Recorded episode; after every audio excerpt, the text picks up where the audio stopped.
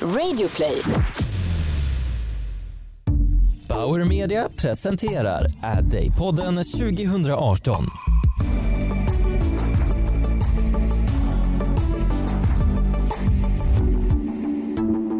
Välkommen till Ad Days podcast som produceras tillsammans med Bauer Media. Jag heter Jenny Kaiser och är Client Director på reklambyrån Kåkestam Holst.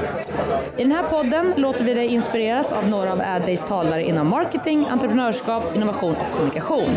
Och nu sitter jag i Bauer Media studio och framför mig har jag Laman Ceesay, Ja. eh, PR-student på Bergs. Varmt välkommen. Tack så mycket. Eh, Du pluggar ju på Bergs, eh, PR-linjen, är det så? Stämmer. Ja, och eh, medverkar i den arbetsgrupp som vann Sveriges annonsörers tävling inför Ad-Day. Eh, Briefen var att reklam har en enorm makt och påverkan, så vilket ansvar har och tar annonsörer för sin reklam och hur kan de ta mer ansvar när det kommer till psykisk ohälsa och skeva ideal? Grattis till vinsten till att börja med! Tack, tack. Fantastiskt! Eh, Kan du börja med att berätta lite grann hur du och arbetsgruppen tänkte när ni tog emot briefen?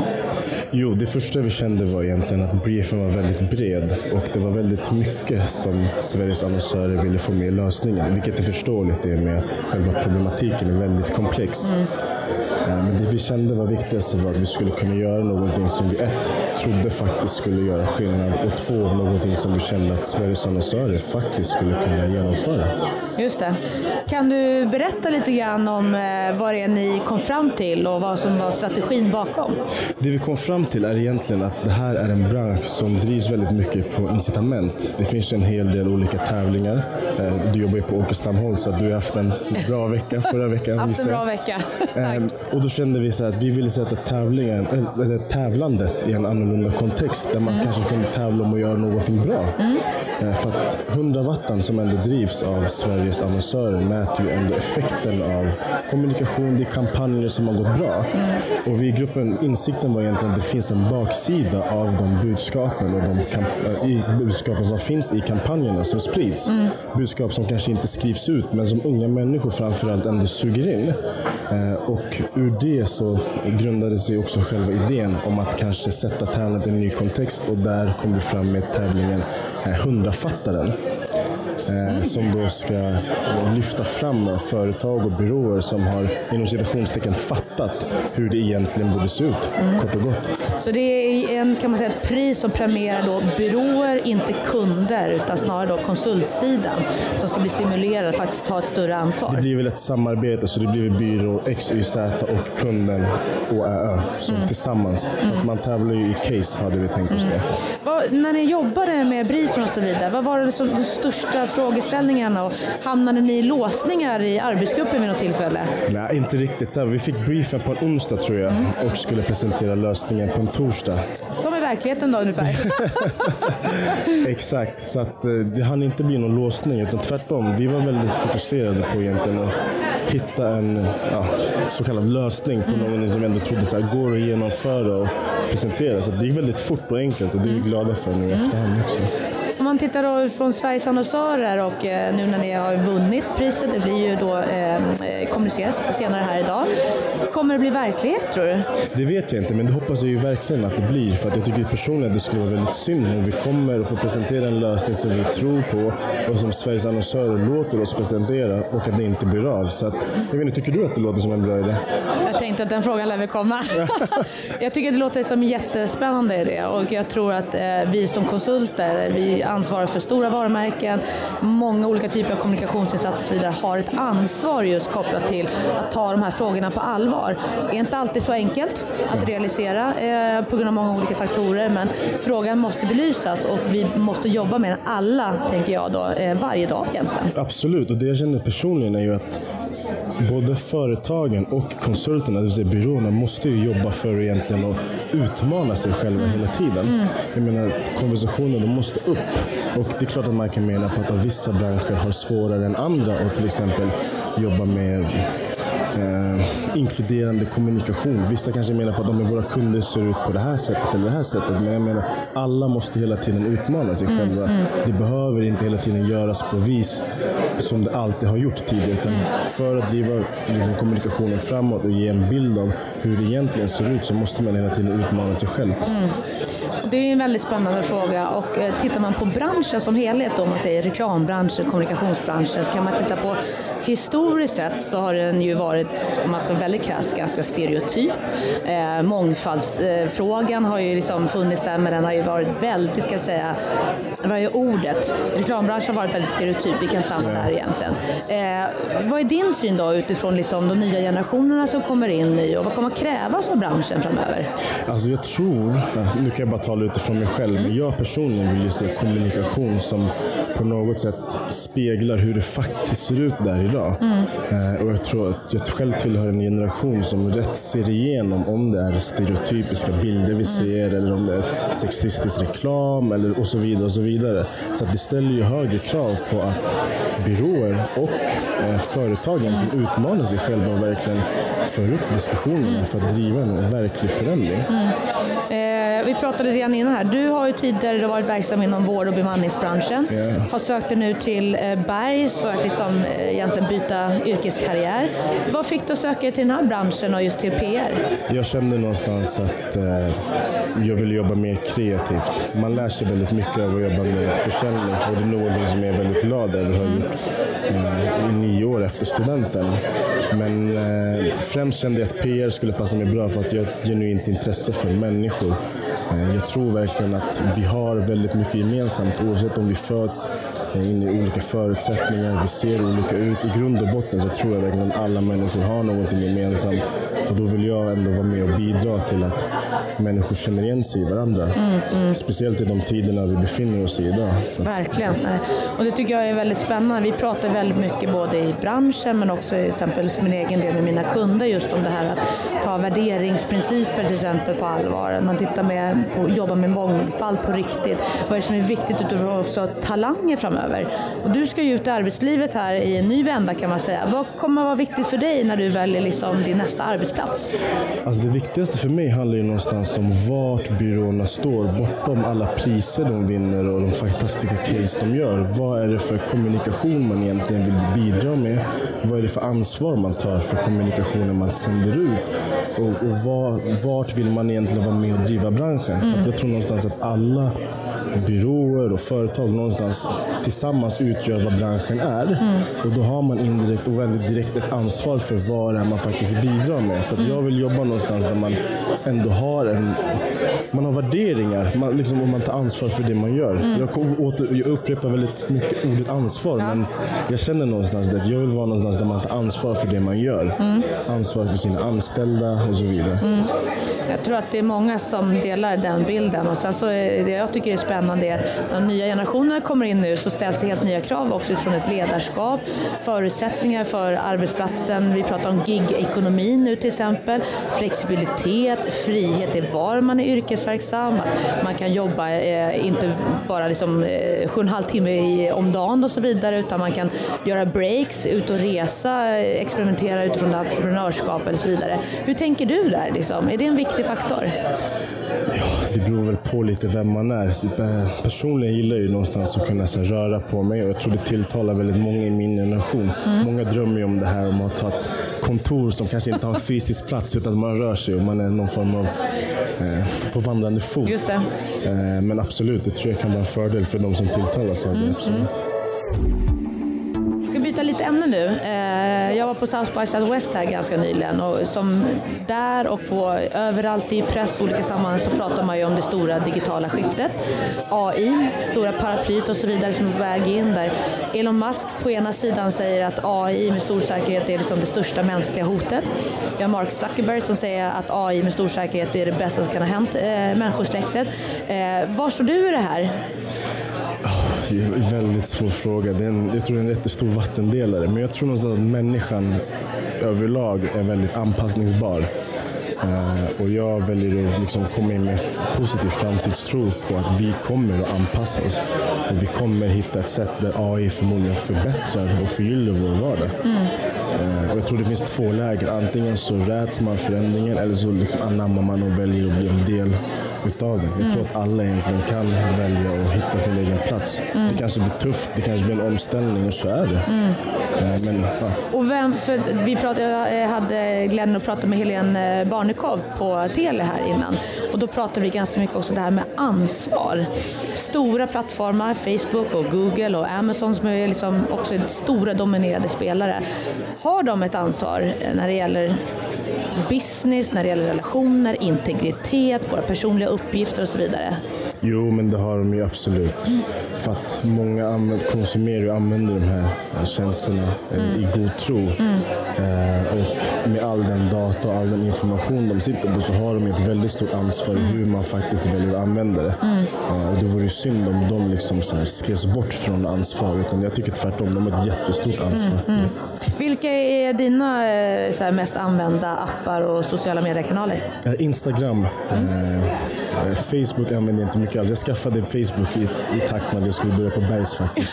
Ja! Känner du nästan tvingad till det? Ja, exakt. För det är många så praktiska grupper som man kan skriva i. Eh, Just det, för det är där man också knyter kontakt och det är event och ja, ni har Ja, flöden men där. exakt. Eller om det är något grupparbete, då är det här gruppchattar som kommer upp och så vidare. Men ja. Främst är det Instagram. Ja. Fem år framåt nu då, kanske är lite långt, men vi kan ändå visualisera. Vad gör du då? Eh, Då tror jag att jag, om jag inte driver en egen byrå så har jag startat upp något eget varumärke. För att jag skulle tycka att det var väldigt intressant att få kanske jobba med lite längre processer. Jag tycker byråvärlden är väldigt intressant och liksom att få jobba med olika kunder. Men drömmen är någonstans att vara sin egen och kunna se någonting växa över tid. Är det någon speciell bransch som lockar dig mer? Eller?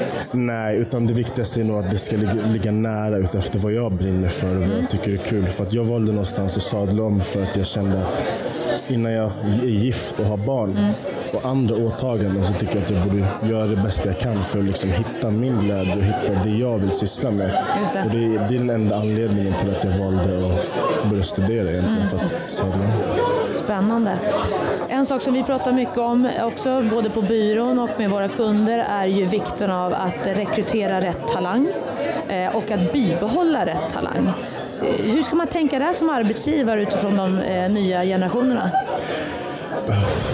Bra fråga. Jag tror att det är väldigt viktigt egentligen att eh, ge beröm när det behövs, men också så här, håll, vara öppen och hålla en dialog.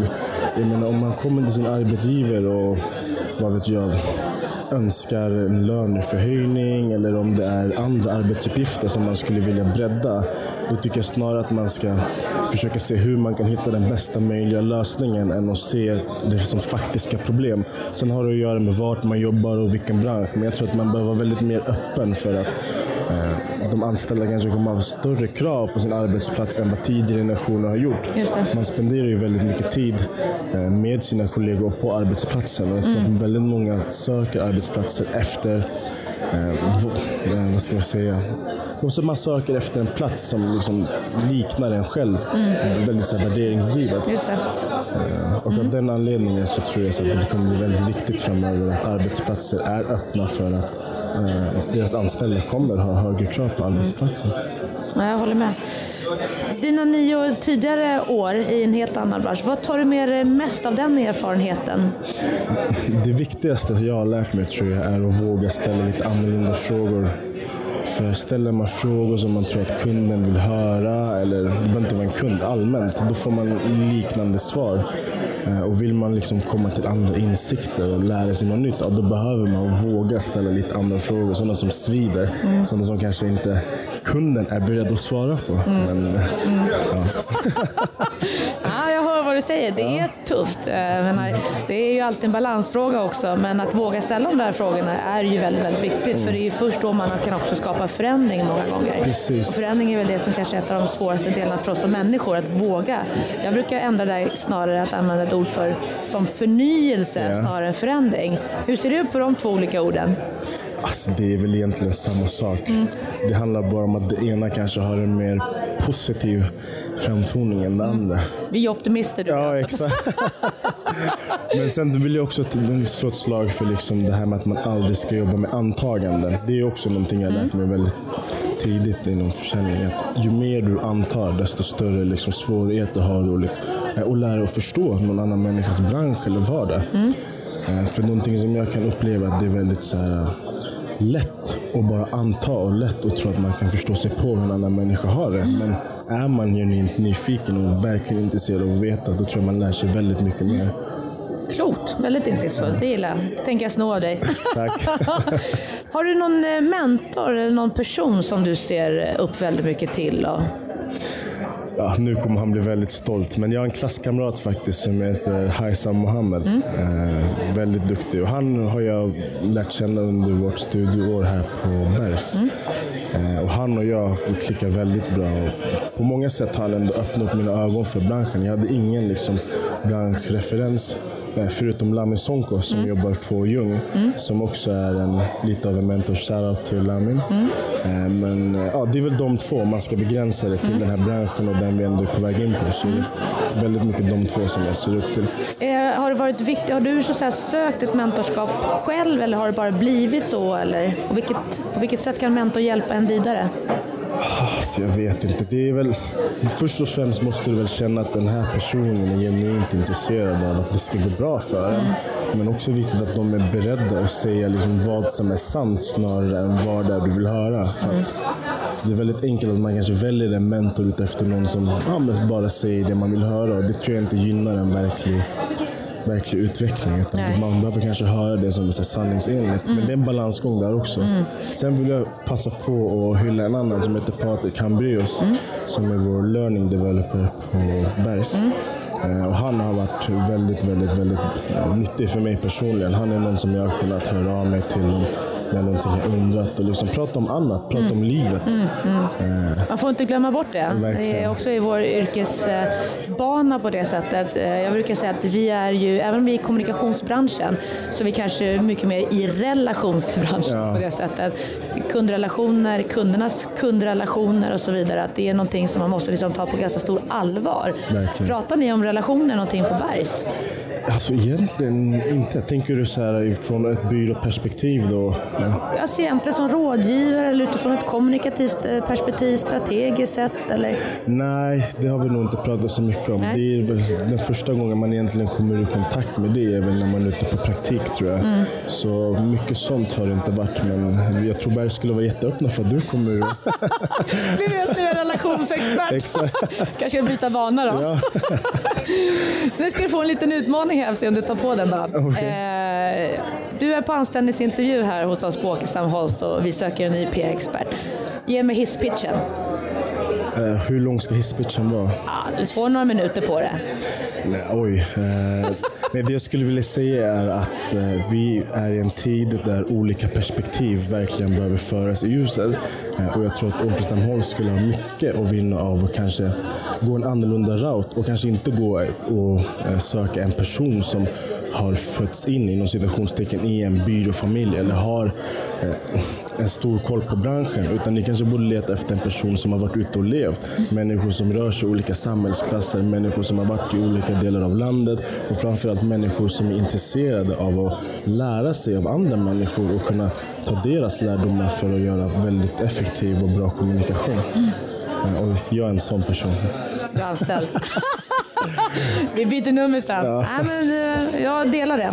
Väldigt bra. Kul. Du, vi ska avsluta med en sån här liten eh, fem snabba frågor. Yes. Får se. Det här är faktiskt väldigt roligt för alla har liksom lite olika take på det. Är du beredd? Kör. Pengar, Eh, ja. musik, Eh, viktigt.